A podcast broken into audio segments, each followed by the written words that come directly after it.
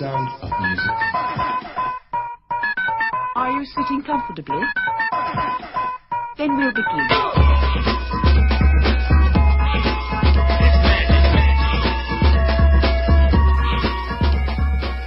Üdvözöljük a kedves hallgatókat, ez itt a Prohistor Podcast 20.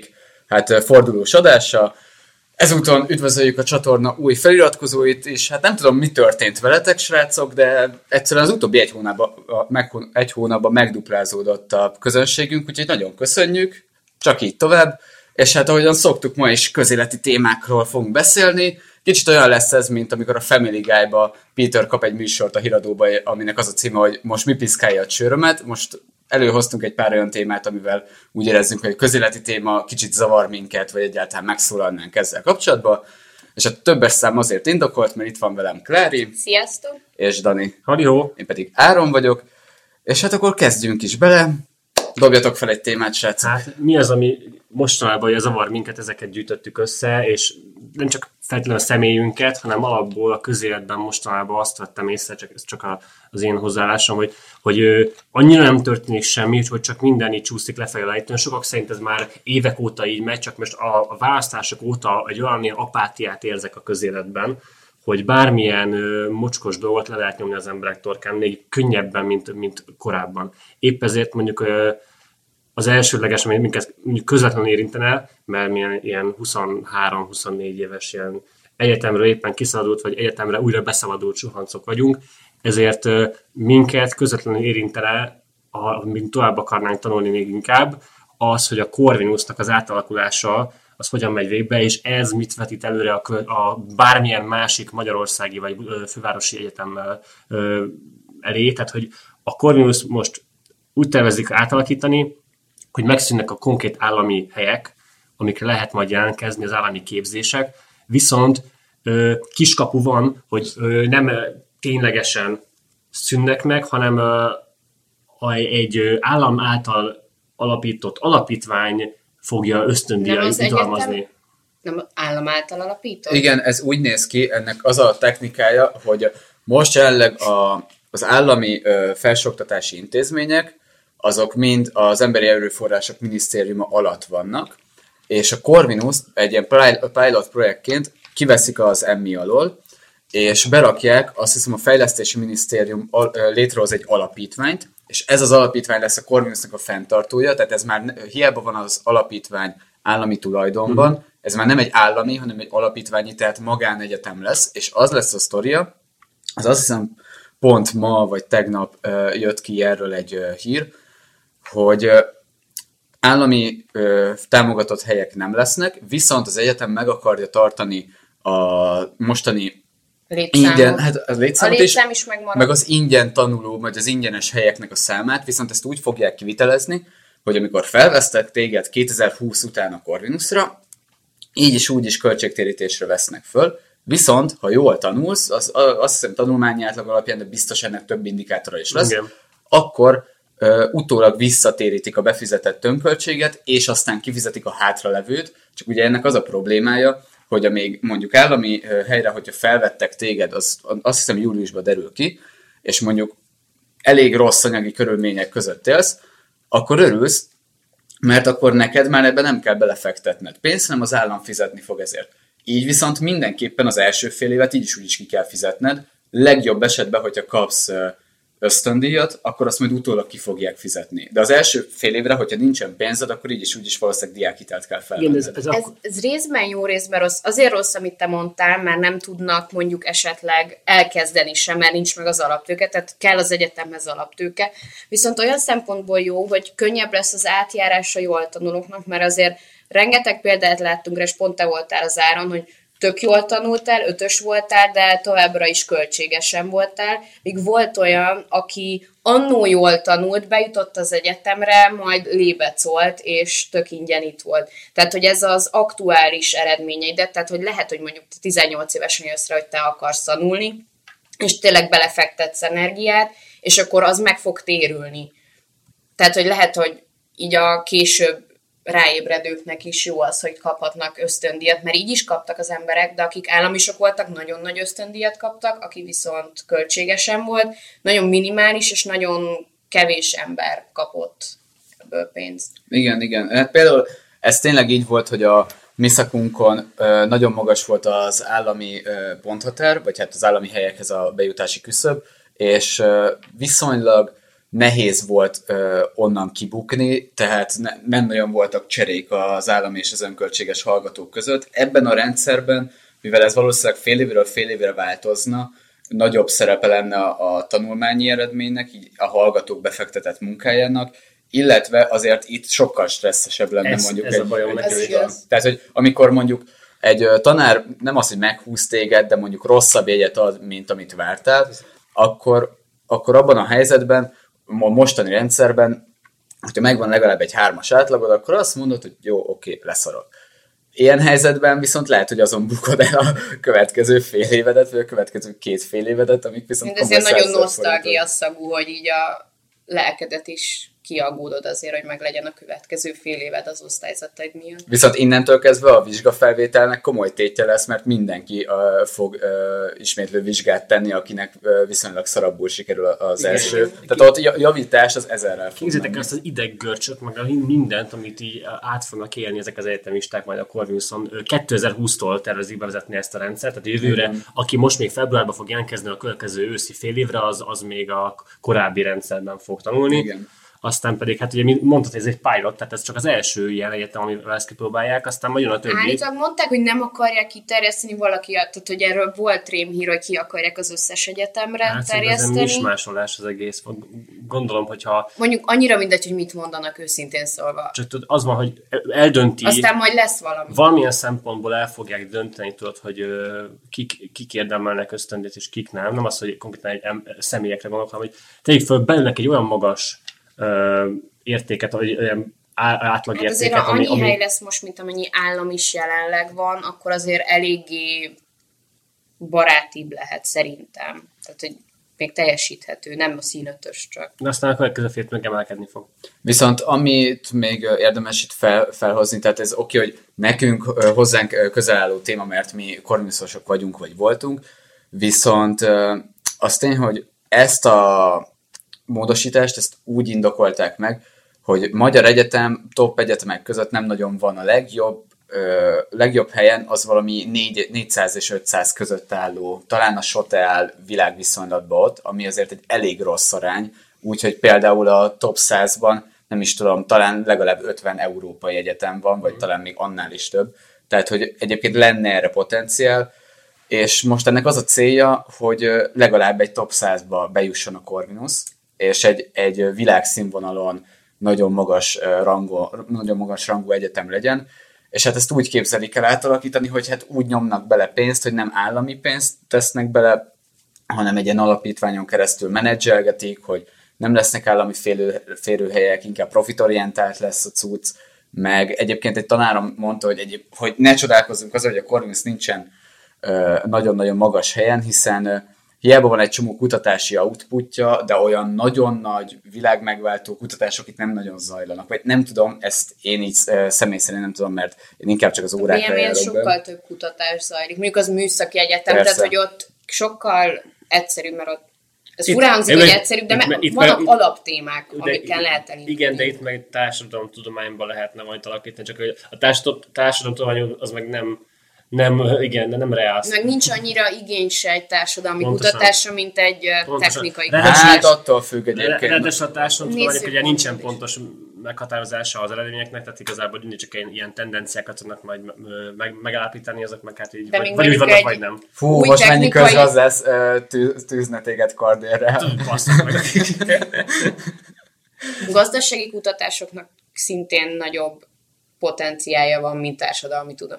Nem az, mi is azon a szakon végeztünk, de ha reálisan nézzük, hogy a társadalom mire kíváncsi, akkor az, hogy az, hogy legyenek jobb telefonok, jobb kocsik, jobb a- mosógépek, Pontosan a jólétre kíváncsiak, nem pedig arra, hogy ténylegesen és hogy megmondjuk, hogy hát nem jó a jólét, tehát hogy Igen, a társadalomtudományokat pont az ellenkezőt mondja. igen, azt megmondja, hogy mennyire rossz a helyzet. Úgyhogy. De Én, egyébként, én a ez, gazdaságosokra tűznek kardél, sajátomat, izé, sajátom ellen érvelek. de egyébként a, a gazdaságtudományokat is te, na, nagy, nagyobb Nyilván. viszonylatban a társadalomtudománynak sorolják be. Egyébként ez azért is fontos, hogy most ez a cél, hogy a Corvinus bejuttat beosztogatni ö, top egyetemek közé, és ezt egy ilyen piaci módszerrel, tehát egy nem, nem annyira szociális alapú módszerrel megoldani, mert hogyha ezt tegyük fel, beválik, akkor erre simán azt mondhatják, hogy jó, akkor viszont a több, nem az összeset, de több egyetemet is akkor alakítsunk át így. Tehát, hogyha azt látjuk, hogy a minőség az javul egy ilyen átalakítás után, akkor lehet, hogy más egyetemeket is érinteni fog. Több pénz biztos, hogy jobb minőséget és nem csak többet nyúlnak le a üzemeltetők. Hát ez az egyik kérdés, a másik meg az, hogy lehet, hogy a számok javulnak, tehát az átlagok jobbak lesznek, meg mindenki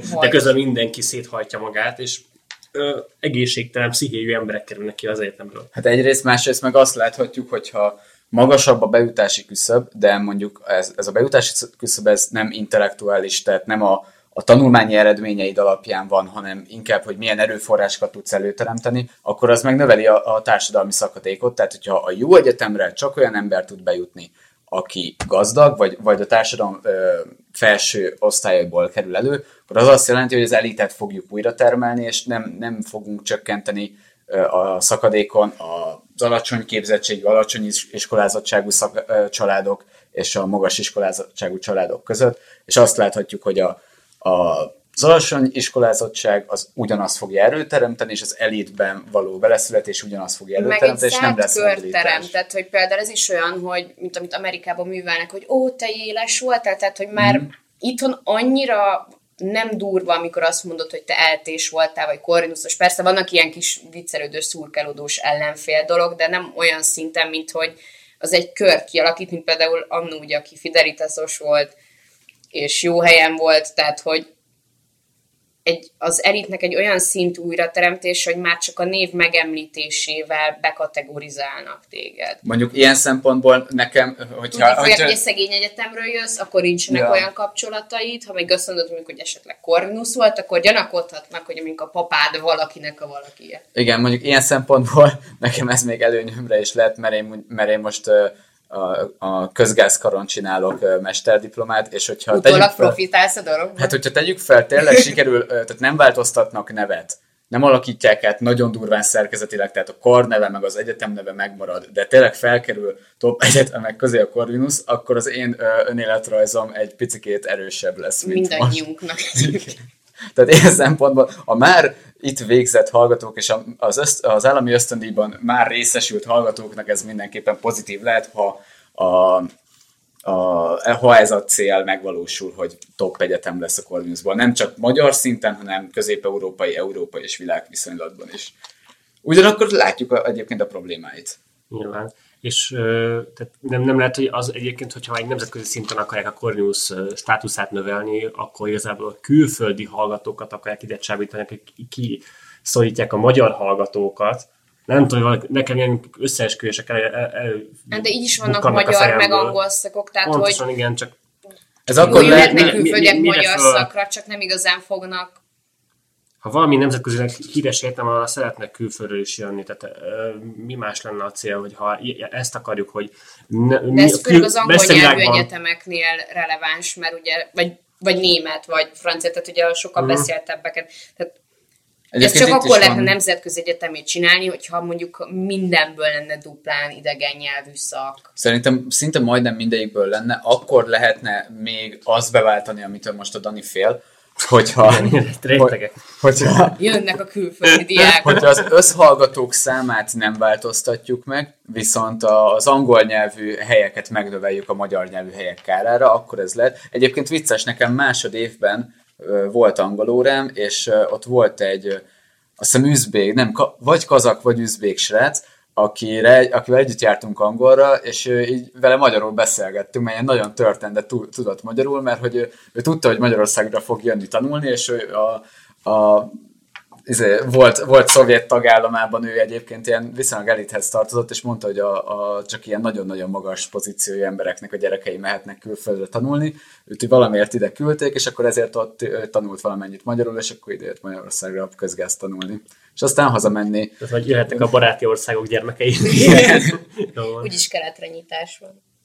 De hogyha tegyük föl, nem tudtak uh, egyetemre járni, akkor elkezdtek dolgozni, dol- a dolgozásban viszont egy, egy önfenntartást, kezdtek gyűjteni a következő ö, 80 szintre, évesen ami is lehet egyetemre menni. nem csak azért, most arra gondolok, hogy kezdtek gyűjteni, és akkor már ö, akartok önállósodni, akkor gondolom szükségetek lesz majd lakásra. Akkor szerintem vezessük át a következő témába, és akkor haladjunk végig az életutunkon, hogy akkor lakásra hogy gyűjt az ember, és hogy hogyan nem fog gyűjteni mostantól egy pár het, héttel ezelőttől.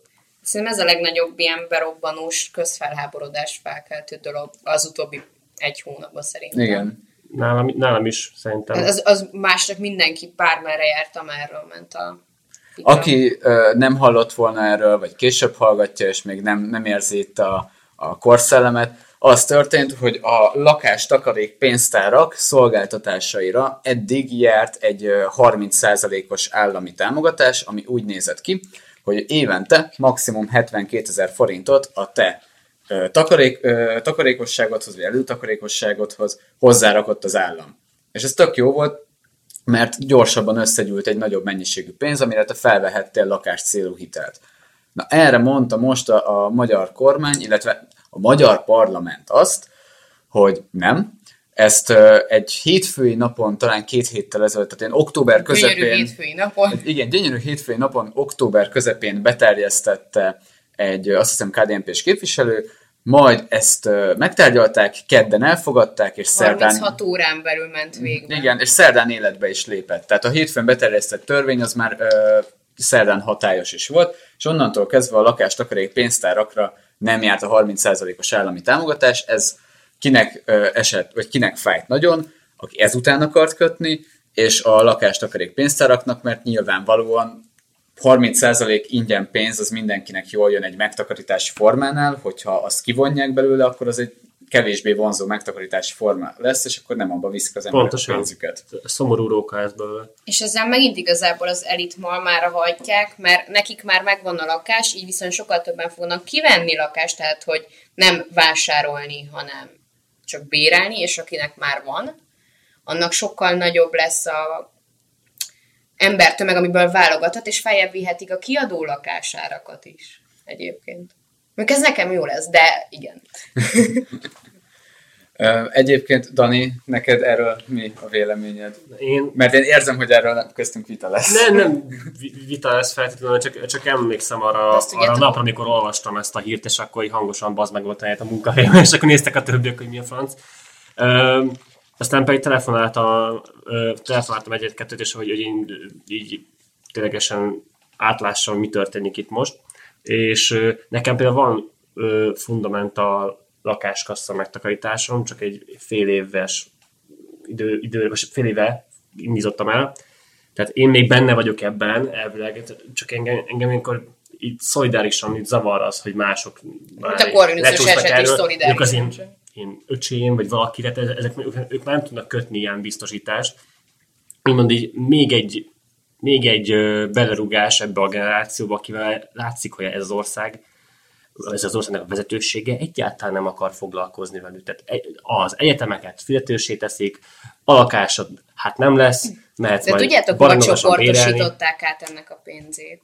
Ö, Azt nem tudom. a csókalapba akarják, csok. csok. Én akkor is csóknak fogom írni, szóval ö, arra a területre akarják így átcsoportosítani. Igen. Igen, egyébként tényleg az volt a, Tehát utána... nem teljesen elveszik, Igen, utána azt mondták, hogy egyrészt ez a képviselő is azt nyomatta, hogy a, a csokot akarják majd fejleszteni, hogy ezt olyanok is felvehessék, akiknek, akik már nem fognak gyereket vállalni, de tegyük fel, van gyerekük, és akkor ilyen energetikai fejlesztésre, mint például napelem, vagy, vagy korszerűsítésre fel lehessen venni. csak hogy van egy napelemgyárunk, ami nem működik már két éve, és az EU át akarja vizsgálni. Nyilván, hiszen, hiszen a magyar kormány nem hisz a, nap, a De napenergiában. megvan a gyár, és nem történt két éve sem. Szerintem, ha az Elios ügyet vesszük elő, az még- még cikibb. De a másik, amit viszont ma olvastam, ezt nem tudom, én voltam figyelmetlen, hogy elkerültem, az a Rogán Antal nevéhez köthető NOK, ami a Nemzeti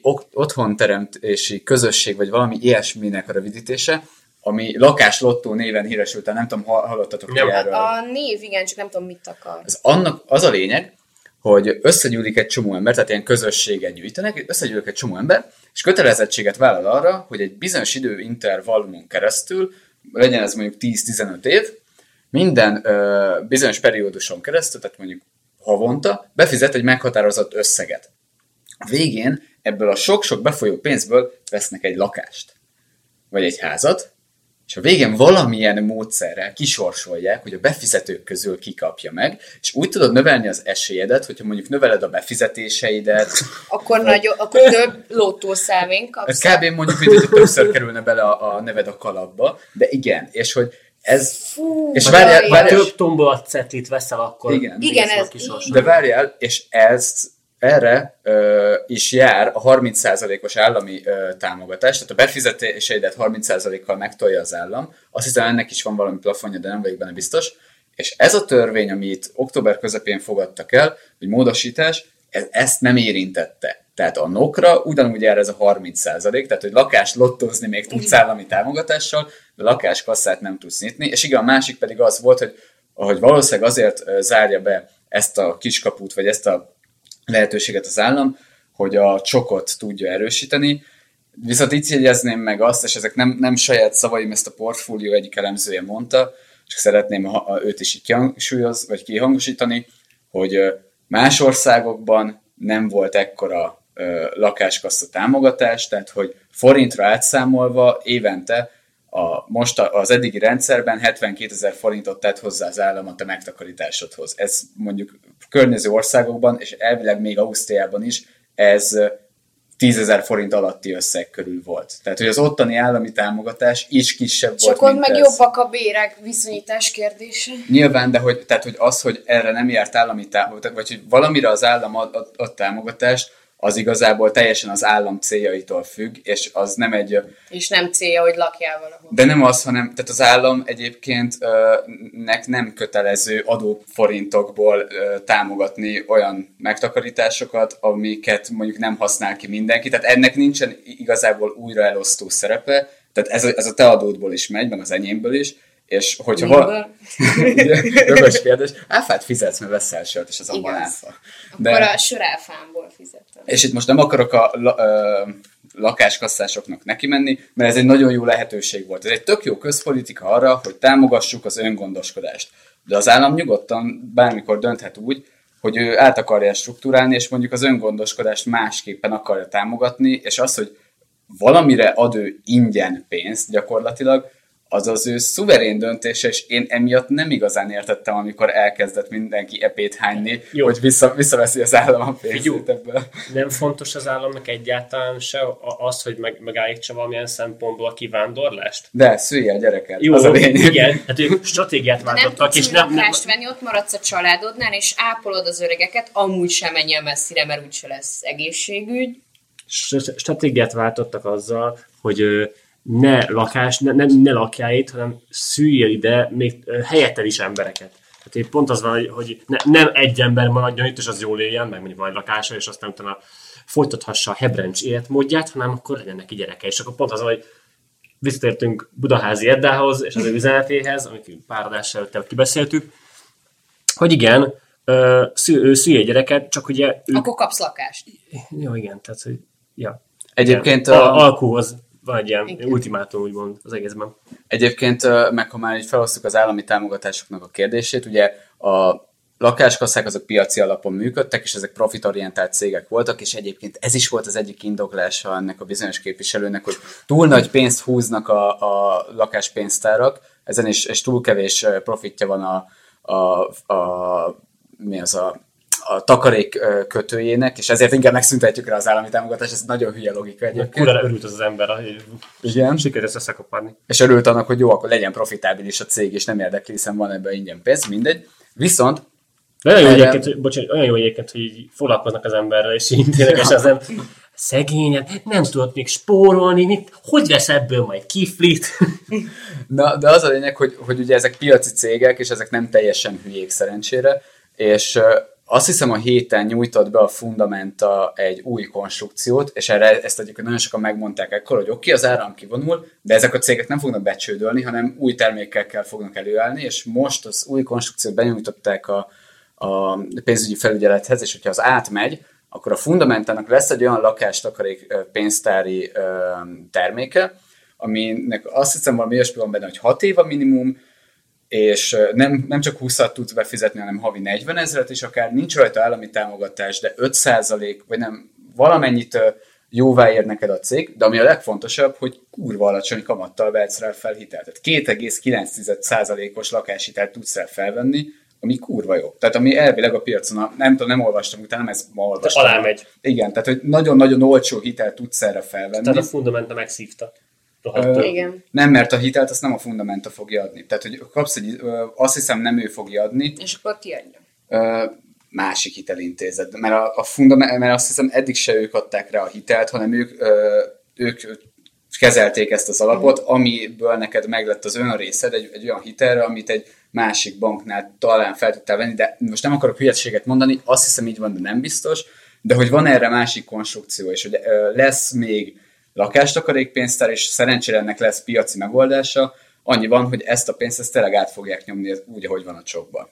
Tehát, hogy most azt hiszem van talán 800 millió forint Várjunk, az számít, vagy, vagy csak, hogyha te, te szülted? Én úgy tudom, hogy számít az örökbefogadás, de nem vagyok benne A százszerzalékosan lo- logika biztos. szempontjából nem számít, mert nincs plusz egy ember. A logika szempontjából igen, csak hogy ha... De nem állami fel- gondozott viszont, tehát nem az állam. No, akkor igen, nem veszük tehet az államról. Értem. Nem csak, hogy mi van azokkal, akik mondjuk nem tudnak szülni, mert mondjuk meddők, vagy már túl idősek hozzá, de akarnak egy új lakást, és akkor.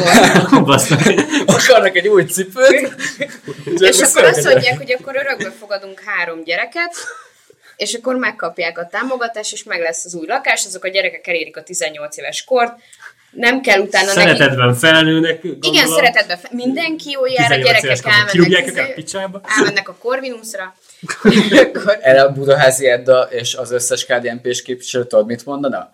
Mivel nincsen gyereke, több pénze marad, ne akarjon ő ingyen állami pénzeket megszerezni, majd szépen kifizeti magának. Erre ezt mondanák tényleg, hogy nincs gyerek, akkor biztos, hogy több pénz Hát de van. belefetsz az pénzt, hogyha örökbe fogadsz, mert azért ellátod azokat is. Nyilván, nem, er- erről beszélnének, hogy, hogy szerintem, hogyha azt mondanák, hogy akkor az örökbefogadással se jár, és a meddő vagy, És akkor minél idősebbet fogadsz örökbe, annál kevesebb ideig kell rá költened.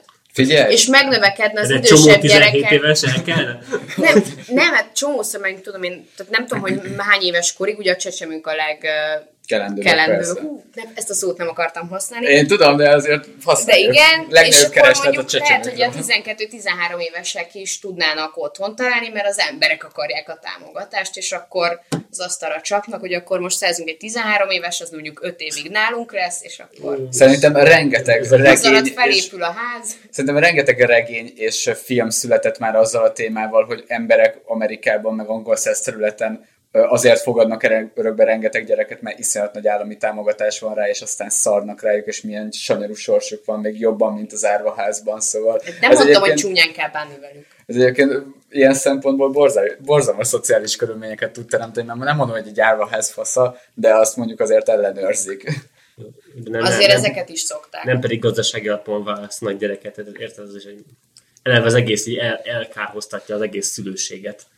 Na, egy intézményt szerintem. Mondjuk elvileg van a Már ők valamilyen... csináltak üzletet a gyerekszülésből, szóval Ez- ezek, ezt mondom, után, az- ezek után ne, ne a kiskapukat keresőkre nézzenek csúnyán. Jó, csak téged is megrontanak közben, erről beszélek. Ja, már ez késő. Jó, nem De- pont téged, hanem mindenki mást.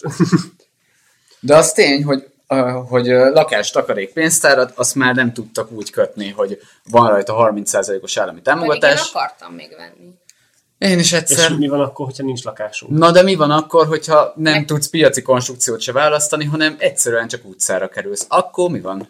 Hát igen, Hát és erre is van most már megoldás. szerencsére mindenre gondolnak, tehát a, a Elégetik a maradék cuccaidat is. lakásod nem lesz, de az utcán sem maradhatsz, hiszen bevezettek egy új rendeletet, ami alapján ö, bármilyen ilyen, hogy is mondják, életvitelszerűen Tartózkodsz az utcán, tartózkodom, igen, vagy közterületen. közterületen Most a tartózkodás, villamoson vannak helyett. az büntetik, először csak figyelmeztetéssel, tehát hogy abban a pillanatban oda egy rendőr, és akkor mondja, hogy ő, ő maga hogy ő életvitelszerűen tartózkodik, és akkor el, elmész onnan, ne, azt, hogy bárki mondhassa, igen, és akkor elmész onnan, akkor nincsen semmi baj, de hogyha a 90 napon belül háromszor is figyelmeztetnek, akkor kell, akkor De kell ugyanott vagy máshol. máshol szerintem. Mert hogyan, hogyan lehet személyazonosságot így Ez az, hát, hogy volt is erről szó, hogy nagyon nehéz ilyen Igazolni. szempontból az utánkövetés is Ja. jó. Ha valaki itt három napon át folyton a Blaha aluljárójában Például- érnek, például. ugye ott volt a leglátványosabb meg a Dákon az eltűnés, akkor persze, de vannak azért mozgalmasabb hajléktalanok is. Igen. Igen, szóval ez, ez most egy új törvény, tehát a hajléktalanság most már bűnnek számít. Szabálysértésnek, de igen. Hát az bűn. Ez tehát lassan megint lesz közveszélyes munkakerülő, mint régen. Ja, ja, ja. És most bele is írták a kis személyirataidba, hogy közveszélyes munkakerülő vagy. Ilyen szempontból végül is a hajléktalanok valószínűleg minimálisan vagy egyáltalán nem dolgoznak. Tehát akkor egy ilyen nagyon sok áttétellel végül is a hajléktalanok büntetése az a munkadél, vagy a nem dolgozó lakással nem rendelkezők büntetése. Igen, mert azért nagyon sokan vannak, akik nem dolgoznak, és de még a szülők eltartják őket, pedig már olyan korúak és munkaképesek. én arra vagyok kíváncsi, hogy ez a törvény, vagy a rendelet, ez mit szolgál, mit kíván ezzel elérni. Azt mondják, hogy a hajléktalanok érdekeit, és azért azt is mondják, hogy azért vezették be ezt most így 2018 őszén, mert ugye jön a tél, és nem akarják, hogy a hajléktalanok megfagyjanak, ezt próbálom én is komolyan mondani, és ti se röhögjétek el. Bár ez Nem- a mondat, nem, szere, nem szeretnék, hogy a hajléktalanok megfagyjanak, és szeretnék őket valamilyen ösztönzővel rávenni, hogy igenis menjenek be a hajléktalan szállókra, és ne dögöljenek meg az utcán, hanem fedett helyen vészeljék át a telet, meg egyáltalán fedett helyen legyenek. Az a probléma, hogy hajléktalan szállókkal nagyon-nagyon sok probléma van, és ezt hajléktalanok állítják, illetve meg nincs hely, tehát hogy Igen. hely is, hiány is van. illetve ez kicsikét úgy néz ki, mint hogyha azt mondanánk, hogy ronda a gyerek, nagyon ciki, amikor vendégek jönnek át, ezért megmondom neki, hogy nem jöhet ki a szobájából. Utál a szobájába lenni, szar a szobájába lenni, de nem jöhet ki, mert az meg kurva sok probléma van vele. Igen, Amúgy is igen. büdös, visszapofázik, állandóan pénzt kér Hát, Tegyük be az tőled, intézetbe. állandóan pénzt kér tőled, úgyhogy azt mondom neki, hogy amikor vendég van itt, de ha nincs, akkor is húzzál be a szobádba, és ott maradsz, és esetleg oda viszek neked. Pontosan. Mert Ez De pontosan most ilyen. Annyira zavarták szépen a külvárosba őket, hogy hol vannak most. Ö, egyébként tényleg kiszorultak a külvárosba, én most nagyon sokat De járok akkor a... külvárosiak most még több hajléktalannal kell boldogolniuk? Azt Vagy így nem tudom, de én például nagyon sokat vagyok a belvárosban, meg egyébként Pest északi részére járok dolgozni, meg arra van sokszor dolgom, és arra a, tehát ilyen 13. kerület és Újpest, egyáltalán nem látok az aluljárókba rendőrt meg környéken, viszont nagyon sokan be vannak oda vackolva. Tény, hogy a Calvinról, a Blaháról nagyon eltűntek a hajléktalanok, de ezek ki- kiszorulnak a meg külvárosokba, a mert ahol- tömegközlekedési eszközökre Igen. másztak el. tehát oda mennek, ahol kevesebb a rendőri jelenlét. Kíváncsi vagyok, mondjuk parkokban, most nem, nem jártam például a Városmajori Parkba, de azért ott, ott elég szép mozgalmas hajléktalan élet volt, főleg kicsi koromban, most már kevésbé, meg ritkában látom, hogy most ugye a parkok lettek, vagy az erdőbe mentek, mert ugye azért az elég népszerű az ilyen zöld területre menni, életvitelszerűen sátrazni a hajléktalanoknak. Ezt egyébként jó, hogy feldobtad, mert egyszer volt még az utóbbi hetekben vala, valamelyik kormányképviselő challenge ezzel, hogy hát ezzel el, ki, kiszorítják meg elüldözik a hajléktalanokat, és akkor kérdezte, hogy hova szorítjuk ki őket, és tényleg, mert az erdőben nem fog bemenni a rendőr hajléktalanokat cseszegetni, tehát akkor valószínűleg, hogyha nem akarja a hajléktalan az, azt, hogy bevigyék, beerőszakolják őt egy hajléktalan szállóra, és ahogyan a Dani az elején említette, elégessék a cuccait, mert, a, mert ez joguk van, vagy talán kötelességük is a rendőröknek elégetni a, Igen, Most igen. legalább nem fizettetik ki velük, hogy elégetik a cuccukat. Mert az elején ez is ugye úgy, úgy lehet az életvitelszerű dolgot megigazolni, hogy ténylegesen cuccaik vannak ott. Szóval Ja.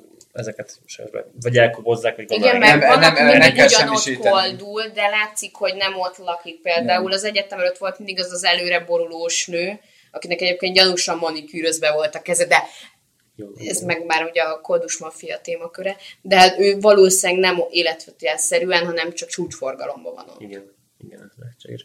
A, egyébként nagyon jó, hogy ha volt ez a hasonlat áron, ez a gyerekkel szobába küldése, tényleg az hogy szerintem még a hajtalanság az a jólétnek a lenyomata egy országban, de az jelzi, jelzi azt, hogy mennyi, mennyire működik Ha az élet. akkor nincs. És, és mivel lehet, hogy az emberek ezt ugye Budapesten frekventáltabban látják, hogyha nincs ott a probléma, akkor nincs probléma, gondolom, ezt ilyen, ilyen teljesen egydimenziósan akarják eljutatni az ember tudatába. Én ezt ülök meg egyébként ma a szkeptikusság fejem ugye az adásban. Tehát hogy ülök az, aki senki Igen, mert a senki nem dörölni. négy-négyes újságírók néha lemennek vidékre megnézni az elmaradott falukat, de úgy főidőben a fővárosban vannak, és azon vannak kiakadva még az egy-két ellenzéki Alapban ez az egész ország annyira Budapest fókuszú, hogy te- tényleg, Ami, ami, a ami itt történt. Viszont itt, van a, itt volt a legmegosztottabb a, az eredménye a választásnak.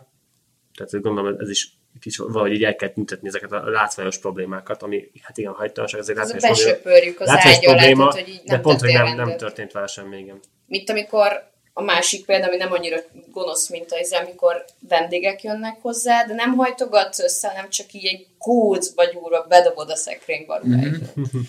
Igen. De egyébként És aztán azt kinyílik az ajtó, és kiborul. Nyilván, tehát hogy a, a nem megszüntetett, hanem elkendőzött probléma az vissza fog ütni. És uh, egyébként mi lett volna, hogyha a hajléktalan szállókat megreformálják ezelőtt, Jó, hol megoldás lenne, ugyan már? Mert, hogy, mert például tényleg a hajléktalanok nagy része az arra szokott panaszkodni, és itt egyébként az ellenzéki sajtó is ezt ö, okádja ránk minden csövön, de a legszebben felidealizált hajléktalan a- archetipusokkal, de tényleg az elvileg a probléma a hajléktalan szállókkal. Szerencsére még nem voltam olyan helyzetben, hogy, hogy ilyet belülről vagy kívülről lássak, de főleg belülről, hogy kb. börtön szinten működik az ottani hierarchia, vannak nyilván fiatalabb, erősebb hajléktalanok, meg vannak öregek, akik már nagyon régóta az utcán élnek, nyilván le vannak gyengülve. Azt hiszem volt valami statisztika, hogy az utcán átlagosan két évet lehet ki- kihúzni, és aztán utána hirtelen megúrik a halálozási arány, tehát a betegségektől, alultápláltságtól azért, meg a nyilván a, Azért a, vannak, mert én ismerek tíz éve ugyanolyan, tehát hogy Ja, én is találkoztam olyannal, aki már olyan régóta van, de elvileg két év az, amit még így vígan ki tudsz húzni, és utána már nagyon gyorsan megúlik a halálozási arány. Egyrészt meg megfagyhatsz,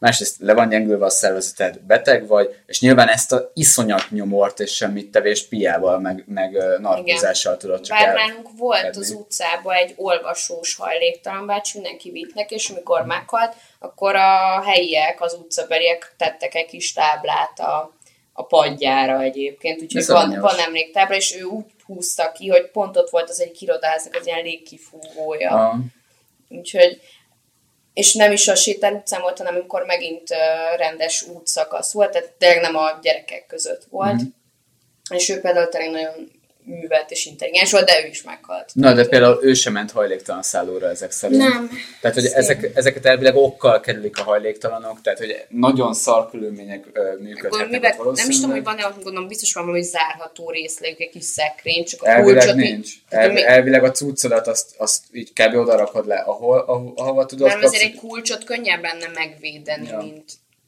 egy egész cuccot. De hogy azért tényleg, am, ami földi javad még megvan, azt simán elszedhetik tőled, nyilván, hogyha ha tegyük fel, nagyon, tehát mond- mondjuk még mellé alkoholisták is nagyon beisznak, akkor simán összeverik egymást, tehát hogy ilyen kuraszar körülmények lehetnek, ahova Bekerül egy kés esetleg, Ja. bármi. Jó, lehet, hogy vannak pozitív példák, tehát lehet, hogy vannak olyan hajléktalan szálak, sőt, szinte biztos vagyok, hogy vannak olyanok, amiket jól menedzselnek és faszán működnek, de a hajléktalanoktól szerzett és a médiában megjelent visszajelzések alapján a nagyja az nem ilyen, és inkább mennek ezek az emberek börtönbe, mint hajléktalan szállóra. a, jobb, a jobbakra meg valószínűleg nehéz bekerülni. Mhm. Mm-hmm. Tehát, hogy volt is egyszer egy riport, hogy van egy űrge, aki mindig ugyanoda jár a külvárosba, de nem mindig van hely, és akkor ott kapukódos, tehát, hogy, tehát egy kicsit úgymond elegánsabb megoldású, mint a legtöbb. De az a baj ezekkel, egyrészt a város szélén vannak, nekik meg be kell jönni, hogy pénzt szerezhessenek. Tehát egyrészt nem is biztos, hogy tudnának ingázni. Tehát, hogy kirakjuk őket oda, és így hogy szereznek kaját, vagy pénzt, vagy bármit. Ez, amit lehetne mondjuk a fővárosnak menedzselnie sokkal jobban, de ehelyett most éppen krim- kriminalizálják ezt az Hát már egészet. ételosztás se nagyon lehet, mert ugye a civil szervezeteket is kicsinálják. úgyhogy- Ja, őket is baszogatják folyamatosan. Szóval a- abba rúgnak most éppen bele, aki egyáltalán semmi esély nincs arra, hogy visszarúgjon. Aki viszont kiállhat az érdekükben például, ugye elindulhat egy eljárás, hogyha többszörösen és azon érnek, hogy, hogy értitesen tartózkodsz egy közterületen, akkor viszont a bíróság meg, megteheti azt a képen az, az ügyet tárgyalja, te, mint hajléktalan, hogy a bíróság megteheti azt, hogy ö, nem hoz ítéletet, vagy, vagy mentesíti a, a vádlottat az egész alól. Például most Kaposváron történt egy olyan, hogy alkotmányellenesnek gond, ö, nyilvánították, vagy, vagy gondolták ezt a, az egész rendeletet, és emiatt nem mondtak ítéletet. hanem Hát így meg már jelezték is, hogy Jelezték ez nem a- oké, tehát a- hogy meg, már most megtámadták. az alkotmánybíróságnak jelezték is ezt az egészet. Tehát ez, ez, az, ezeket a, a kis egyéni kis járási bíróságok így fel tudnak ezzel ellen lépni például. Meg egyébként abba is gondoljunk már bele, hogy ennek milyen ö, végrehajtása van. Tehát, hogy oké, okay, én is örülök annak, hogy ö, tudok levegőt venni a Blaha aluljárójában, de ennek baromira örülök. Meg a cipőd, de, de nem kell ugrálni tiszta foltról tiszta foltra a húgy között. Igen. Az is mondjuk egy Tehát, hogy vannak, vannak pozitívumai, de azért azt is nézzük meg, hogy például az ilyen nagyon forgalmas helyeken folyamatosan ott áll legalább két-három rendőrautó, négy-öt rendőrrel, ami nem probléma, mert nekem például ez tök nagy biztonságérzetet ad, csak hogyha mondjuk ezeket az embereket nem ö, azzal bízzuk meg, hogy a hajléktalanokat baszogassák, és hogy azt figyeljék, hogy vajon a csöves visszamegy oda lefeküdni, vagy nem megy vissza, hanem hogy mondjuk tényleg a közrendet tartják fent, és mondjuk haté- zsebeseit figyelnék jobban. igen, és hatékonyabban ö, ö, osztanák őket szét, mert most is azt látom például a Calvinon, minden nap, amikor erre vagyok, hogy az a négy rendőr áll egy helybe, és pofázik. Nek, nincsen problémám is vele. láttam, igen. És ezzel nekem nincsen problémám, mert Tényleg, tök ezek jó. most egyre több van. Igen, mert a forgalmas helyeken pont ezért vannak rendőrök, hogy elijesszék a hajléktalanokat, és ezzel nekem nincsen problémám, addig, ameddig ez növeli a közbiztonságot, tök jó. De, De, olyan olyan is helyeken... vannak folyton, tehát eddig is voltak a dákon folyton járőröző rendőrök, és a, Igen. a tolvajokat az se ijesztette. Hát egyrészt, másrészt meg ez tök jó, mert hogyha ide koncentrálunk rendőröket, akkor máshol nem lesz, és akkor az amúgy is forgalmas helyek, ahol amúgy is vannak BKK biztonságiak, amúgy is szét van kamerázva, ott oda rakunk még több rendőrt, akkor más helyeknek a biztonsága az lehet, hogy szarabb lesz. Nem tudom, nem láttam erről hatástanulmányt, de így spekulatíve lehetséges, hogy akkor a közbiztonság az egy kicsit szarabb lesz azokon a helyeken, ahol régebben sok volt, a kevés, kevés volt a hajléktalan, mert oda nem tesznek annyi rendőrt, és most ezt az erőforrást Hát meg tényleg erre akarjuk pazarolni? lesz. Azt szerintem nem is volt a témáink között, de hát volt is az, hogy kb. úgy olyan vetésforgót találtak ki a rendőrök, hogy kb. el fognak fogyni ha kicsit nem rep. Az a baj, hogy ennek pont nem néztem utána, de volt valami olyasmi, hogy csökkentik is a, a helyeket kicsit, meg mindegy, pont nem néztem ennek mm. utána, mert ez egy régebbi hír volt, de hogy így rendőrhiány is ki fog alakulni egy-két éven belül, ha így folytatjuk, mert nem lesz eléggé megfizetve, pont úgy, mint a orvos hiánynál. Igen, tehát. Igen, egyébként a közalkalmazottakban mostában egész, egész komoly hiány van. Ha már az orvos hiányt így felhoztad, és így át, átevezünk akár az egészségügyre, ha ez valami plegyka volt, nem, nem tudom mennyire, mennyire biztos, de hallottam valami ilyen sztorit, és ezt tényleg nem olvastam, valami haveromtól hallottam, hogy több, több ezer egész, közalkalmazottnak akarják felajánlani azt, hogy ö, Átképezzék. átképezzék őket ápolónak, meg egészségügyi a szakdolgozónak, magasabb ö, tudom én, vénás ápolónő lesz, az érdekes lesz. Ja, ja, mert például vannak erre számok, a mindenkinek ajánlom, hogyha egészségügyben akar nagyon vidám dolgokat olvasni Magyarországról, az Európai Bizottságnak a honlapját, ahol minden évben kiadnak egy országtanulmányt, most a 2017-es elérhető, amiből például látszik az, hogy az EU-s átlag ö, 8, valahány ápolóhoz képest Magyarország, mert 100 ezer emberre 8, valahány ápolónak kéne jutnia, vagy legalábbis ez az EU-s átlag, ez Magyarországon 6, valamennyi, és érezhetjük, hogy ez a kettő, az azért nem tűnik olyan nagy különbségnek, csak hogy az ebben az esetben 25 százalék. Tehát, hogy 25 százalékkal kevesebb ápoló van. Tehát ne, egy negyedével kevesebb ápoló jut egy emberre, mint az EU nagy átlagában. Orvosból is van egyébként Hát egy komoly elmaradásunk. orvosunk, az a vicces, hogy orvosunk van, csak nem a kórházban. Tehát nagyon sokan átmentek magánpraxisra, és az a mókás, hogy van egy ilyen létszámstopp is, és azért a rezisztenseket nagyon lassan... Rezi- Rezidere, ah, jó, igen. Rezisztensek a fertőzések. Igen. igen, közben rájöttem, hogy itt van hogy pár betű, szóval a kis ifjú orvostan hallgatók, tehát hogy lassan, ez egy hónapos hír volt, hogy így nagyon les, lassan veszik be őket, meg nem is annyit, amennyi lenne, tehát hogy az utánpótlás lassan jön, aki megteheti lelép magánnak, jó fejek azok csinálnak magánt is, meg államit is, tehát hogy az orvosokkal is így kevesebb van, az ápolónők nem tehetik meg, hogy kivéve a magánklinikákra mennek, de nem, nem tudnak csak úgy nyitni egy rendelőt szegények. Igen, egyébként ez az orvosoknál jellemző, hogy akkor van külön magán a Tehát ők, ők meg tudják oldani, és Igen. sokkal nagyobb kereslet is van rá külföldön, sőt olyan sokkal én, én több külföldi diákot ismerek, aki azért jött ide, mert ugye, hogy itt olcsó az oktatás, Mm, megtanulnak színvonalas ö, az képzés, jó orvosnak lenni, aztán hazamennek egyszerűen, és otthon ezt népszerűsítik, amit tanultak. Igen, nagyapám még a szocializmusban ö, volt orvostan hallgató, és már akkor is nagyon-nagyon sok külföldi, az zömében közel-keleti ö, hallgatótárs volt, akik meséltek. De még Németországból is jött, tehát én például Igen. is németeket, akik ide jöttek Igen. tanulni. Meg Észak-Európából is nagyon sokan jönnek ide orvosnak tanulni.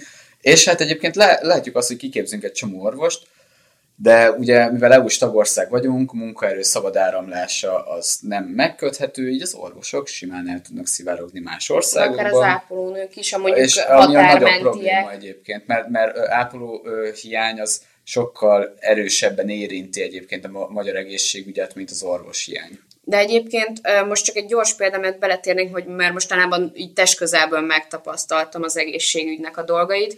Sokan csinálják azt, hogy például a nagybátyja mondta ki Soproni, hogy kétszer akkorára duzzadt a lakosság, mert még Magyarországon akarnak lakni, de hát ugye Sopronból sokkal könnyebb kimenni a Bécs, Bécs közeli településekre, és hogy kétszeresére nőtt a városnak a, mint hogy így számokkal nem biztos, hogy tényleg kétszer, de nagyon megszaporodtak az új e, soproni bevándorlók. Visszatérve az Ez is a bevándorlók hibája, mi? Migráns. Hát úgy értem, hogy magyar, de a városba bele. Persze, értem.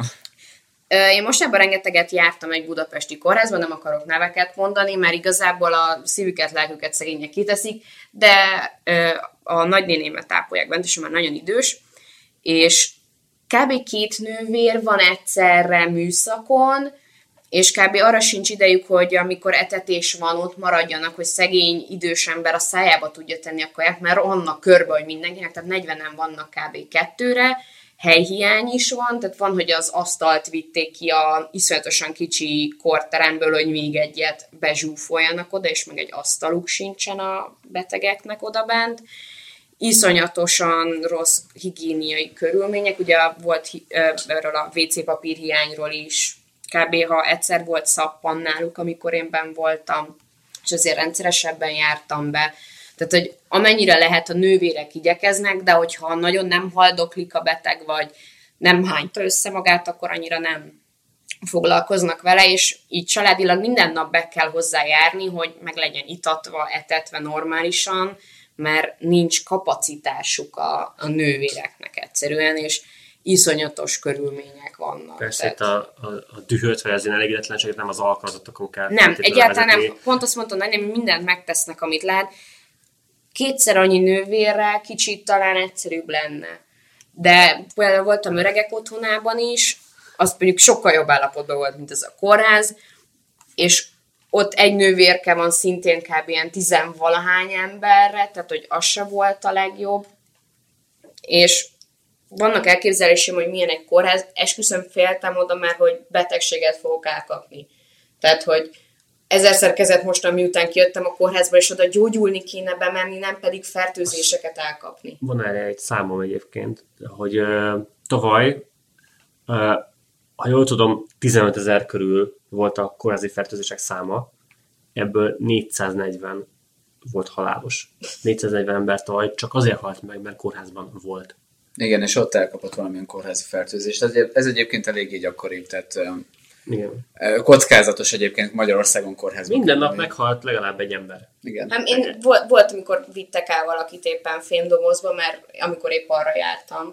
Mondjuk az sem szerintem normális, hogy öklendezel már a levegő szagától, annyira jó a helyzet oda mentett, hogy az em- klórszag legalább lenne, hogy így érzékelni, hogy tisztítani próbálnak. Mondjuk én járok rendesebb helyekre is úgy értem, tehát hogy Budapest... Nem, nem, nem, nem, nem. A második kerületben például a, a házi orvosi rendelőm, az fel van újítva, az gyönyörű, tök jó az ellátása a második kerületben a szív, izé, mert én ott is jártam, és akkor ott tényleg gyönyörű volt az egész, és nem magam. Kardiológia, köszönöm. Nagyon fáradt vagyok most már. Elég későn veszik fel az adást.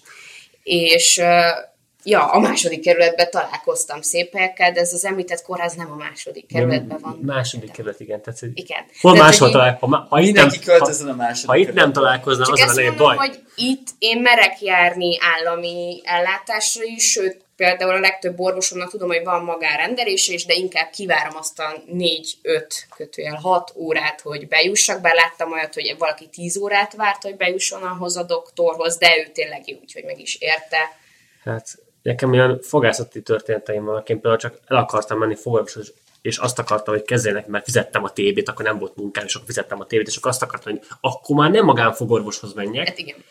Ez, hát felhívtam őket, és ki, Kötelező TB-t fizetni, szóval... Igen. Jó, igen, csak a, persze, csak akkor már ki is akartam használni, nem Igen. vagy még külön elmenni egy magánpraxishoz. És az volt a lényeg, hogy próbáltam időpontot szerezni, ez két hónapra adtak előre időpontot, ami hát egy fogorvosi esetnél az nem feltétlenül kedvező. Nekem begyulladt például a tömés alatt a fogam, és ezért, ezért kellett vele foglalkozni. És az volt a probléma, hogy mikor el is jutottam végül a, a TB által támogatott fogorvosi ellátásra, hát nem volt nekik sajnos röngenük, így nem tudják, meg, meg, nem tudják elkezdeni az ellátást, gondolom gyökérkezelés, vagy valami, valami ilyesmi kellett volna, hogy legyen, amit aztán később máskor, máskor, máshol megcsináltattam. Szóval igen, csak ki akarom használni azt, amit így bevezetek a közösbe egészségpénztára, de egyszerűen képtelen vagyok, mert nincsen meg az eszközök, nincsen meg az infrastruktúra, és valószínűleg nincs meg az a, az a fizetés egy orvosnak, aki ezáltal motiváltabb lenne ahhoz, hogy engem több embert kezeljen. Nagyon sok helyre olyan például nőgyógyászhoz olyan bejutni, hogy van 5 percet foglalni havonta, mert 5 perc alatt annyi, egyrészt ott kígyózik a sor, és így, hát kedveském, tudom, hogy 5 perce nyílt meg, de, de majd jövő hónapban Aha. tessék De- újra próbálkozni. Ö, hetente van, a, én Ráckán ö, laktam, és én mindig oda vagyok bejelentve lakcím szem- szempontjából, én oda, oda mentem bőrgyógyászathoz például. Ez egy konkrét eset, tehát hogy reggel hatra oda kell mennem, hogy a, az idős nénik mögé beálljak, akik igazából mög, később jöttek, mint én, de betolakodnak elém. Egy aztán ajtót nyitottál nekik föl nagyban. Ja, nem, lenne pofám tényleg fölötni pár, de tényleg az a baj, hogy ők lőttek fel engem, tehát ez a, ez a másik gond. Szegény. Mert nekik, ne- nekik ez jár, mert nekik, nekik ez kell, mindegy. Te minden, fiatal vagy, mi, mi mit keresel pontosan, a kórházban? Pontosan, bőrgyászatra mentem volna, ö, és, ö, és az a lényeg, hogy reggel 6-6.30-kor oda kell mennem, hogy időpontot, vagy igazából sorszámot kapjak, amivel aztán el visszajöhetek 9-re, mert akkor kezdjük a rendelést. Ez Szentendrén ugyanígy történt meg velem, mind vérvétellel kapcsolatban, csak a szerencsére egy, egy nagyon hideg télen megszüntették. Ott az volt, hogy a vérvétel 7 órától volt és akkor nem volt időpont, hanem sorszám szerint ment, és akkor amikor a, a házi orvosod beutalt vérvételre, akkor azt mondta, hogy hát menjen le, aztán majd kap egy sorszámot, aztán majd be tud menni, és akkor, hogyha mázé van, akkor gyorsan megvan az eredmény. Tök jó. Következőképpen mentem, én naív, hogy lementem, láttam hétkor nyit a vérvétel, hát akkor lemegyek mondjuk olyan, mert paráztam, hogy biztos sor, az le 6.50-re. 6.50-kor a STK bejáratától az utca végéig állt a sor. És így néztem, hogy jó, akkor itt nekem már nem lesz sorszámom, és akkor a következő nap 5 órára oda mentem, vagy 5.30-ra kb., és akkor is már állt előttem két kis Ez a nyugdíjas. lényeg, hogy nem tudsz eléggé parázni.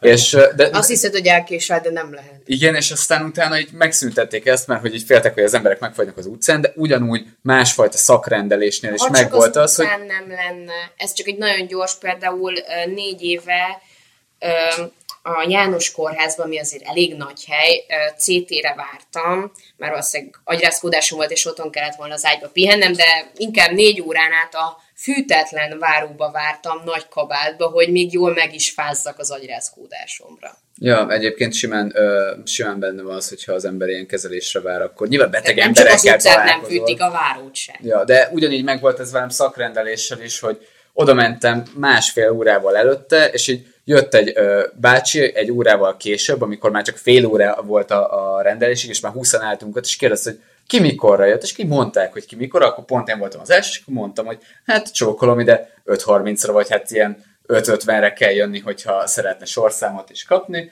Na, az bejutottam a dokimhoz, de amikor meg mondjuk elaludtam egy órával később, akkor így baszhattam. De például az is probléma, hogy- Inkább már nem is jár az ember orvoshoz, mert úgyse jut be. Sokkal egyszerűbb. az is probléma volt nálunk, hogy ugye ez egy körzet, ahol én tartozom. Tehát oké, mondjuk én ráckai vagyok, voltam akkor, de a környéken lévő más településekből is ide jönnek reggel Ugyanez hatra, ugyanez és aztán ugyanez három órát várniuk kell, hogy aztán a, a szerencsétlen doktornő az ne érkezzen meg 9 hanem 10-30-ra érkezzen meg. Tehát várnak, egy fél napot elcsesznek csak azzal, hogy várni kell egy orvosra.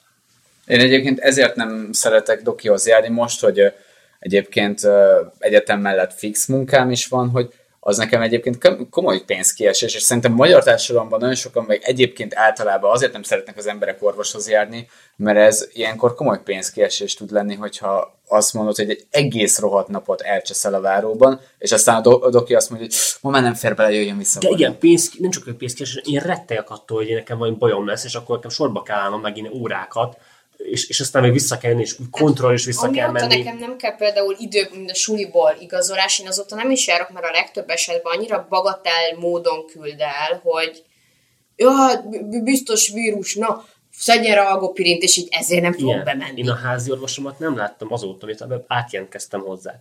Nem találkoztam vele, nem is ismerem az utcán. Egyébként a, a magyar rendszerben a házi orvosoknak egy nagyon komoly szerepük van, amolyan kapuőrként használja őket a rendszer, azért, mert má, vannak olyan országok, ahol, hogyha mondjuk valamilyen problémád van, mit tudom én, rohadtul fáj a fejed, akkor te már rögtön el tudsz menni neurológushoz.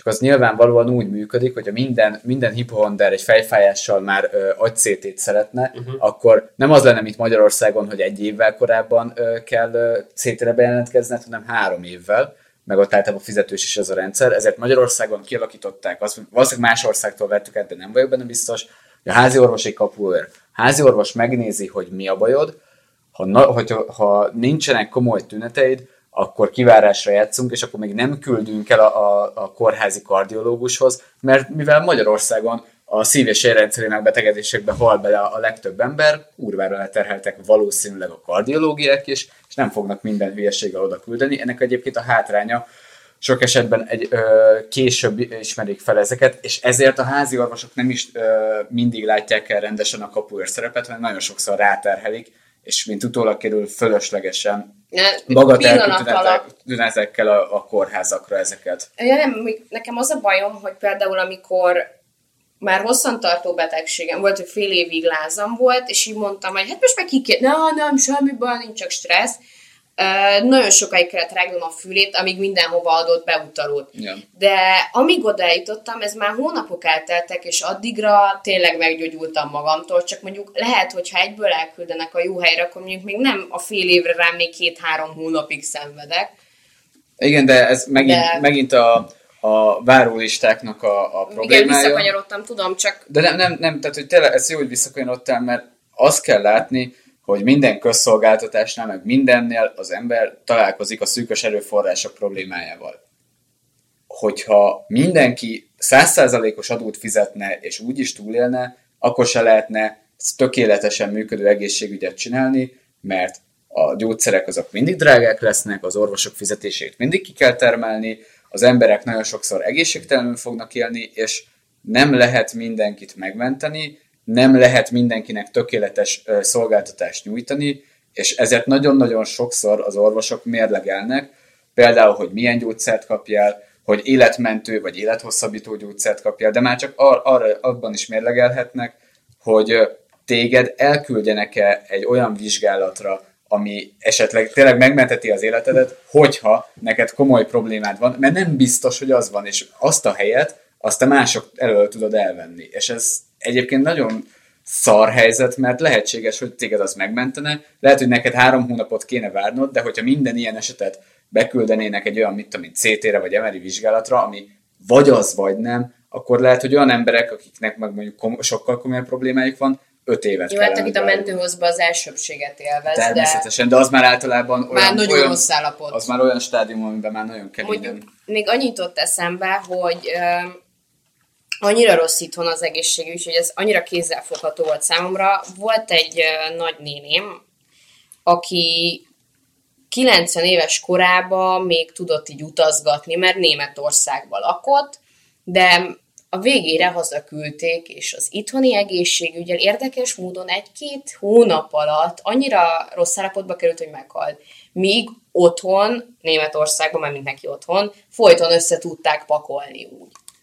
Tehát, hogy nem lehetetlen, csak itthon egyáltalán nem foglalkoznak az egészség. Meg, meg alulfinanszírozott, tehát vásárlóerőparitáson fele annyi a, az egyfőre jutó ö, magyar közkiadás ö, az egészségügyben, mint az Európai Uniós átlag. És az Európai Uniós átlagban a szarországok is benne vannak. Tehát Persze, egy, a szélsőértékek. Igen, és most, nem, és most tényleg az egyfőre jutót mondom, nem a teljeset, és vásárlóerőparitáson, tehát hogy kiigazítva a jövedelmi különbségekkel. Fel annyit költünk egészségügyre, mint az Európai Uniós átlag, és valószínűleg jóval kevesebbet, mint a, a nyugat-európai országok, és azt, lát, azt látjuk, hogy na ez már tényleg bagatel, és már a kormány meg se hallja ezt a kritikát, hogy kevés a pénz az egészségügyre, de tényleg roppantul alulfinanszírozott, és megelőzésre valami 8, azt hiszem a 2019-es költségvetésben valami 8 milliárd forint van minden egyes prevencióra, több száz fajta megbetegedésre, amit egyébként sokkal könnyebb lenne és olcsóbb lenne gyógyítani, ha az emberek odafigyelnének.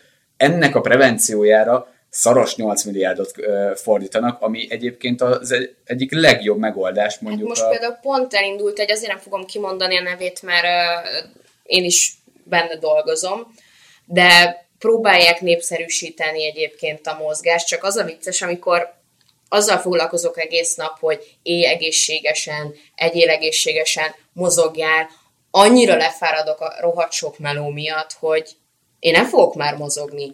Már orvoshoz sincs időm elmenni, és ez egy ilyen kör, hogy máshol is el kéne kezdeni, hogy az embereknek legyen idejük, pénzük, megelőző tevékenységeket folytatni. Most Ez egy óriási egy... ilyen folyamat, ami spirálisan húzza le az embereket, és a legalján szembesülnek azzal, hogy nincs ellátás. Bedobnék egy számot. Magyarországon a leg alacsonyabb iskolai végzettségű férfiak és a legmagasabb iskolai végzettségű férfiak között a várható élettartam különbség az 10 év.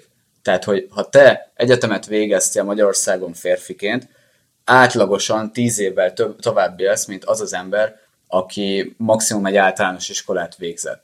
Ez, és ez az átlag, tehát hogy valószínűleg ez, bizonyos esetekben ez lehet, hogy sokkal több. Magyarországon a halálozások, meg a megbetegedések egy jelentős részét szociális... Meg felbosszantod az asszonyt, akkor meg 20 évvel leesik az átlag életkorod, mert Igen. kidob az utcára. Ez most hangzott, mint egy viccet akartam volna mondani, és úgy is akartam, de szerettem, hogy igazam van. Igen, de, de tényleg szociális ö, okokból van egy csomó megbetegedés és halálozás, például a szív- és érrendszeri, a rákos megbetegedések, ezek mind olyanok, amik, amiket ö, egyébként le lehetne csökkenteni, hogyha az emberek normálisan étkeznének, kevesebbet dohányoznának és nem innának annyit, az a probléma, hogy ezeknek az egyik uh, magyarázó hogy miért teszik ezt az emberek, a szociális, uh, szociális okokra vezethető vissza. Tehát, hogyha nagyon-nagyon szarul keresel, tehát hogy egyébként az átlagfizetésből is kurva nehéz megélni, de hogyha még annál szarabbul keresel, nem fogsz tudni megengedni magadnak egyrészt heti rendszeres mozgást, mert azért annak is van idő és pénzköltsége, normális étkezés meg aztán pláne nem tudsz megoldani, és a, a nyomorúságodat meg nyilván valahogyan próbáld enyhíteni és piálni fogsz. És nem mondom, hogy alkoholista lesz. Most kezdődik amúgy a száraz november, és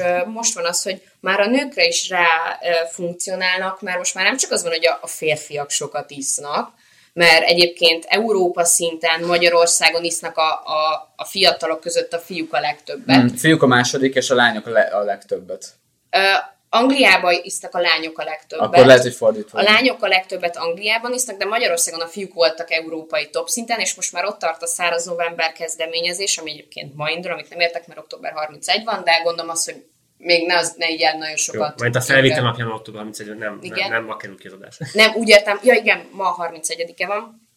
Tehát, hogy most már a nőknek van a száraz november, azt hiszem a 444 kezdeményezése, de erre most nem emlékszek pontosan meg egyszer sokat az, isznak hogy, ők is. Hogy már a nők is rengeteget isznak egyébként. Egyébként 2000, és uh, rosszabbodott ez az arány, mert 2015-ben a fiataloknak a, az alkoholfogyasztás az Európa szinte második volt, a Dánok voltak az elsők, Hát most arra 18-ra már odáig jutottunk. Hogy, hogy a férfiak győztek, a fiat, most ez a fiatalok Igen, között és ennek, ez. ennek az a mérőszáma, hogy egyébként, hogy megkérdezik a, azt hiszem 15 évesig, vagy 16 évesig van bezárólag, és megkérdezik őket, hogy, hogy hányszor voltak már részegek. És azt hiszem ez a szám, ezt az alapján szokták belőni, hogy életében már legalább kétszer volt részeg. Ez 2015-ben a magyar, magyar, tizen, tehát magyar fiataloknak azt hiszem valami 30-40 százaléka, de nem vagyok benne biztos, de 10-ből 4, 40 százaléka volt, és Dániában, ami a második, az 25 százalék. Tehát 15 százalék pontos különbség volt az első és a második helyen, hely között, és ezek tényleg azok, akik elvileg legálisan nem is vehetnének piát.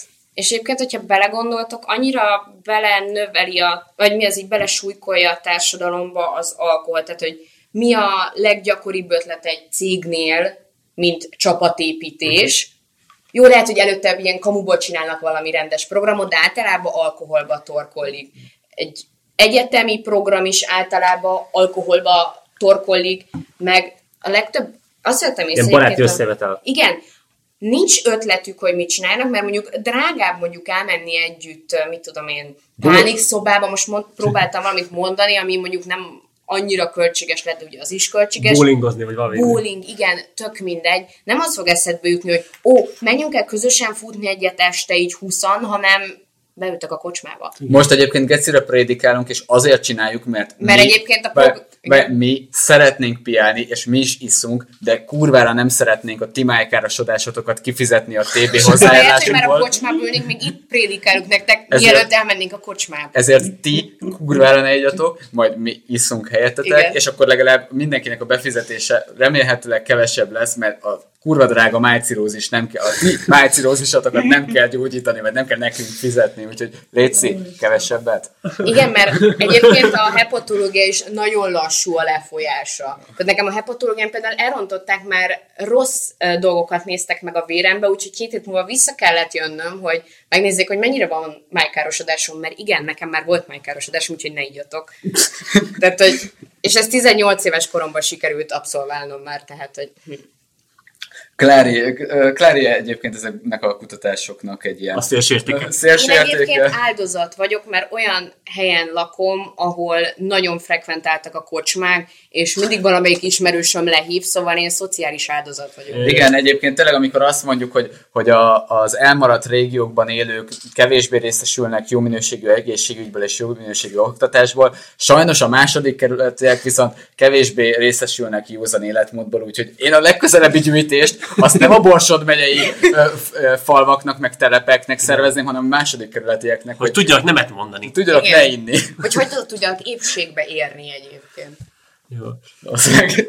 Annyira gonoszak vagytok. Igen, de közben az is olyan, hogy, hogy, hogy így a... De ez szomorú, hogy hülyeség sajnáltatni magamat, de ez ilyen társadalmi izé, hogy ezt, így ezt el akartam kivezetni, hogy, hogy igazából most mes, mes, meséltünk ilyen nagyon szomorú, nagyon lehangoló dolgokról. találkozhatnék a hogy- barátémat, a kocsmában vannak. hogy tehát, minden egyes alkalommal így az, az életbe belédrúgnak, főleg így, így felülről, legalábbis az egész re- rendszer, alapból dolgozol orbaszájba, így, így nem tudsz egészséges életmódot fenntartani, akkor viszont le akarod az agyadat szedálni valamivel. Az egyetlen dolog, az első dolog, amivel- ami ezt tudsz nyomni, az mondjuk mi a a, leglegálisabb. a legálisabb ö, tudatmódosító pia, tehát gondolom ehhez nyúlnak, és akkor nem véletlenül, hogy az emberek ilyen A munkahelyen felidegesítenek és dohányzol, mondjuk Ja. dohányzás, igen, az is még az is nagyon kár. Az mondjuk Magyarországon elég magas, Igen, a igen. top 5-ben benne van Európában. Na, simán el tudom képzelni, tehát orbaszájba kávéznak az emberek, tehát így minden egyes módon valahogy, valahogy pörgetni kell magunkat, hogy, hogy egyáltalán- föl tudjunk kelni, nekem ez a probléma. Ébren maradjál, mert nincs időd aludni. Hát egyébként a top három ö, halálozási ok az Magyarországon a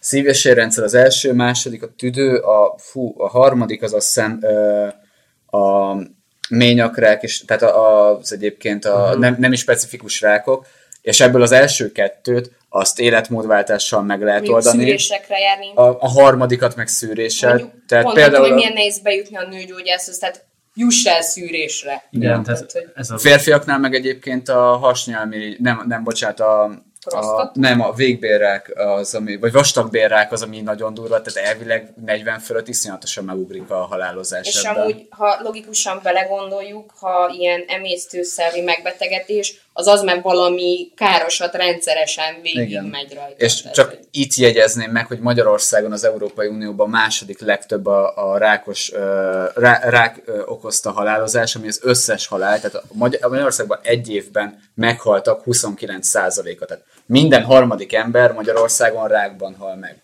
És ez egyébként egy kurva kevény mindenki szám. gondolja végig, hogy mennyi rákos, halálos, is, tehát hogy a ismeretségi rokoni körben van, nem tudsz olyan embert mondani, akinek nincs rákban elhunyt. Igen, és ennek egy részét életmódváltással meg lehetne oldani, a másik részét meg megelőzni szűrővizsgálatokkal. Meg a stressz is a stressz iszonyatosan rákkeltő tud lenni, így áttétesen gondolva. És ez egyébként ezeknek a gyógyítása meg De- kibaszott de- de most drága. Tehát, nem, ne, nem, ne, nem, ne. igazad van, tehát hogy Ne, tényleg a stressz az egy nagyon, nagyon, Nagyon lebetegít. Igen. Tehát, hogy kiderült, hogy nálam például tényleg a stressz miatt volt hőemelkedésem fél évig, amint lediplomáztam, meggyógyultam. Na mert most ez lehet, hogy sokkal rosszabb például, hogyha mondjuk a munkád miatt aggódsz folyton, vagy azért, mert nem tudod etetni a három gyereket, Vagy- amit felvettél a csok miatt. Vagy igen, tehát, hogy lakásra gyűjtesz, Igen. vagy éppen az a küzdelem, hogy ne kerülj utcára, Vagy hogyha már kim vagy, akkor ne vigyen neked az utcára, az arra vagy hogy, spotról. hogy fogod tudni megcsinálni ezt a fél évet, ugye, hogy bemaradjál a Corvinuson, csak hogy kereken összefoglaljuk az adásunkat. A lényeg az, hogy rákos leszel, tök mindegy, mit csinálsz. így is, hogy rákos lesz, és így is az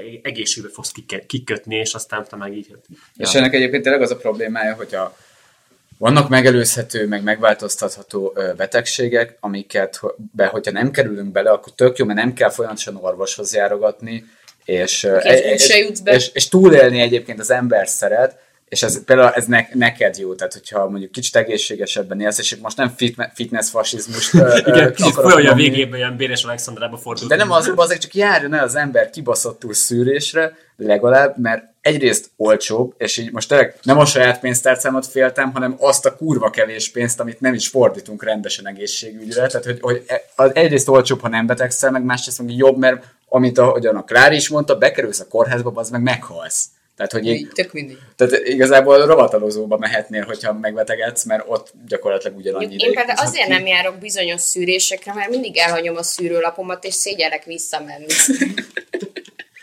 Már a második szűrőlapomat nem találom, és félek visszamenni. Erre nincs megelőző. De, de, de hülyeségre nincs. Tehát, hogy figyeljetek a, a szűrőlapjaitokra. Tehát, Nem csak, hogyha egy ilyen take-home message-et kéne mondani, akkor hát vannak most egyébként a közéletben nagyon-nagyon izgalmas kérdéseket, am- amiket így foglalkoztunk, és hát szerintem, ahogyan a Dani mondta, a választások után ilyen kicsi, kicsi ilyen apátia ült az országra, és bármit csinálnak, az em- bármit csinálnak a hatalmon lévők, most ez legyen ténylegesen a kormány, legyen ez egy párt, legyen a parlament, legyen akárki, Ellenzék, bármi. A nem létező ellenzék, Isten, ez egy külön adás van, ez simán megérdemelne. Hogy... a, akkor igazából az em- ellenzék? Nem, nem létezik. Tehát a, a, Amik már nem. Díszlet, biodíszlet. A, akkor az emberek azt látjuk, hogy így, így persze, hogy megszólalgatnak, meg néhány ilyen MSZP-s képviselő, hogy kimegy az utcára, és akkor mond egy mérges beszédet tele hülyes, hülyeségekkel, és olyan szavakkal, amiket nem is ért, és aztán pár nyugdíjas így mondja, hogy ja, ja, ja, de de ki rossz sem minden. megyünk tüntetni. Nem, tehát hogy így az emberek így, mint hogyha ilyen teljesen elfelejtették volna, hogy létezik az a dolog, hogy közélet, és azért is, vagy ha nem is ezért, de hogyha már itt vagyunk, gondolkodjunk egyébként társadalomba, és nyugodtan szólaljunk fel ilyen témákba, vagy csak beszéljünk róla, és legyen egy diskurzus, és ne legyen az, hogy bevonulunk a safe spacingbe, hogy akkor nem foglalkozunk ezzel. Teljesen ilyen, ilyen feladtam állapotban van. Én még a választások környéken nagyon lelkesen mentem tüntetni, de úgyse történik semmi alapon, tehát hogy lehet, hogy itt most beszélünk, és azzal segítünk, hogy mondjuk valaki elkezd mondjuk kocogni, de így az alapproblémakörök nem fognak attól változni, egészségügy, mert, mert mi beszélünk róla. Nem, az, az kell, hogy az emberek is uh, így ez, erről gondolkodjanak, de nem akarjuk megváltani a világot, mi csak Ja, én beszélünk már feladtam, témákról. hogy így ez így Ez egy ilyen szomorú adás, igen. Nem, egyébként mindig egy picit azt hiszem, hogy változik valami, és aztán annyi hír jön, hogy nem, meg már, már Andy Vajnától is elvették a cégét, tehát már, már. Andy Vajnának, sőt, tehát hogyha már neki Andy- nem jó, ami, akkor... Pontosan ez azt mi is hallottuk a héten áron, amikor Andy Vajától el akarják venni a TV2-t, akkor így, Hát szegény. meg, meg talán, talán a filmlapot, akkor hát akkor hogy hogyan érvényesüljek én az életben. Mondjuk Just Saint-től azért veszik el, mert ő nem Stróman, és magánvállalkozóként nem fog öntud, tehát hogy ő még öntudatra ébredhet és ellenfél lehet, míg egyes Strómanok, akiknek odadják a, a tévéjét, tök jót hallottam erre, hogy Hörcsök tévé, mármint, hogy ez nagyon tetszik nekem. Rozmár TV, nem? Én most Hörcsök tévét hallottam manapság, de tehát, hogy Mészárostól senki nem várja, hogy öntudatra ébredjen. Viccet félretéve, Ezek soha nem fogok közbeszerzést nyerni. Ezek után. nem, nem, egyébként pont most hallottam, Helyint az NK a támogatásra. nem, másodkézből hallottam, tehát, hogy ö, elmeteg ő egy nagyon kedves és aranyos ember, bemegy az irodába, mindenkitől megkérdezi, hogy ő, hogy hogy van, hogy van az asszony, megissza a kis kávéját, és ugye bármit kérdeznek tőle, azt mondom, hogy majd, majd holnap. A majd holnapig meg továbbítja a dolgot azokhoz, akik értenek hozzá, vagy akik, tehát, hogy ő őszintén szólva nem egy rossz ember, ő egy bábú. Tehát, hogy így haragudhatunk a bábúra, nem inkább a bábmesterre kéne haragudni. Tehát, hogy Én mindenki haragszom. Én nem válogatok ennyit. nem mindegy, ez csak így, így egy eszembe jutott így a végére, hogy Hát igazából, ja, te- szerintem ezzel le is zárhatjuk itt a mostani 2018 őszi közéleti eseményeket, értékelő vagy kibeszélő kis adásunkat. Nyugodtan írjatok kommenteket, hogy miben tévedünk, vagy miben nem tévedünk. Dobjatok fel témát, hogy, hogy miről beszélünk, úgyse arról fogunk. Nektek milyen élmények? kivéve, nekem tetszik, Ne- akkor meggyőzünk. Nektek milyen élményetek az egészségügybe, vagy a lakástakarékkal, vagy egyáltalán... Vagy milyen volt mi, hajléktalanként az utcán élni, és rendőrök által abuzáltan lenni. vagy mi- mit És hogy tudtátok elérni a YouTube csatornánkat az utcáról, ez még érdekes lehet. Vagy mit szóltok az új egyetemi konstrukció tervhez, hogy igazából nektek ez fekszik-e, vagy sem. Igazából minden ilyen, ilyen visszajelzést nagyon szívesen látunk, és tényleg a, a diskurzus elindul, az szerintünk, az, annak nagyon örülünk például. Mert az a probléma, hogy itt most már lassan az emberek nem is beszélgetnek egymással egyáltalán semmiről, illetve nem nyitottak a másik véleményére, csak ezekkel az ilyen szélső értékek vannak, és ez, ez egyre inkább így fertőzi ezt az egészet. És jó, hogyha az ember kritikusan gondolkozik, és nem ö, hiszel minden fasságot, amit olvas mondjuk a, a híradó.hu-n, illetve a 444-en, ezt itt személyesen hozzá kellett tennem. Vagy máshol, de nem mondok orgánukot, mert nekik dolgozom, szóval... Ja, tehát, hogy egyébként igen, tehát például ellenzéki lapoknál, meg kormányzati lapoknál is ugyanúgy fasságokat tudnak leírni, úgyhogy Mind a legyetek, két helyen van igen, susmus. legyetek kritikusak, és beszélgessetek Nekünk emberekkel. Ja, nekünk sem. És majd várjátok a következő videónkat, mert azért túl folyjuk a tartalmakat, még hogyha nem is hivatalos ilyen proli hisztaladásokat, akkor de az áramnal közösen készített rádió műsorainkat még mindig is ö, fontosan jelentetjük meg az oldalon, úgyhogy kövessétek figyelemmel. És egy utolsó kérés, iratkozzatok fel, Léci, iratkozzatok fel! Azt hittem, azt fogod mondani, hogy ne igyanak, és erre És, és így úristen, de szállalmas átmentünk. Csak ő, csak ő. Iratkozz, iratkozz fel, ha akarsz. Vagy Meg- ne, vagy ne, vagy, vagy szard le az egészet. Töröld ki a, a historidból is, hogy Nyomj egy dislike-ot, írd, hogy az Srácok. és aztán csak. Na jó van. Köszönjük, hogy meghallgattatok. Sziasztok! Sziasztok. Despite his meandering maneuverability, his strategical susceptibility, his infantile indefatigability, and his tendency towards tactical stupidity, he still remains. and an imaginary sound of music.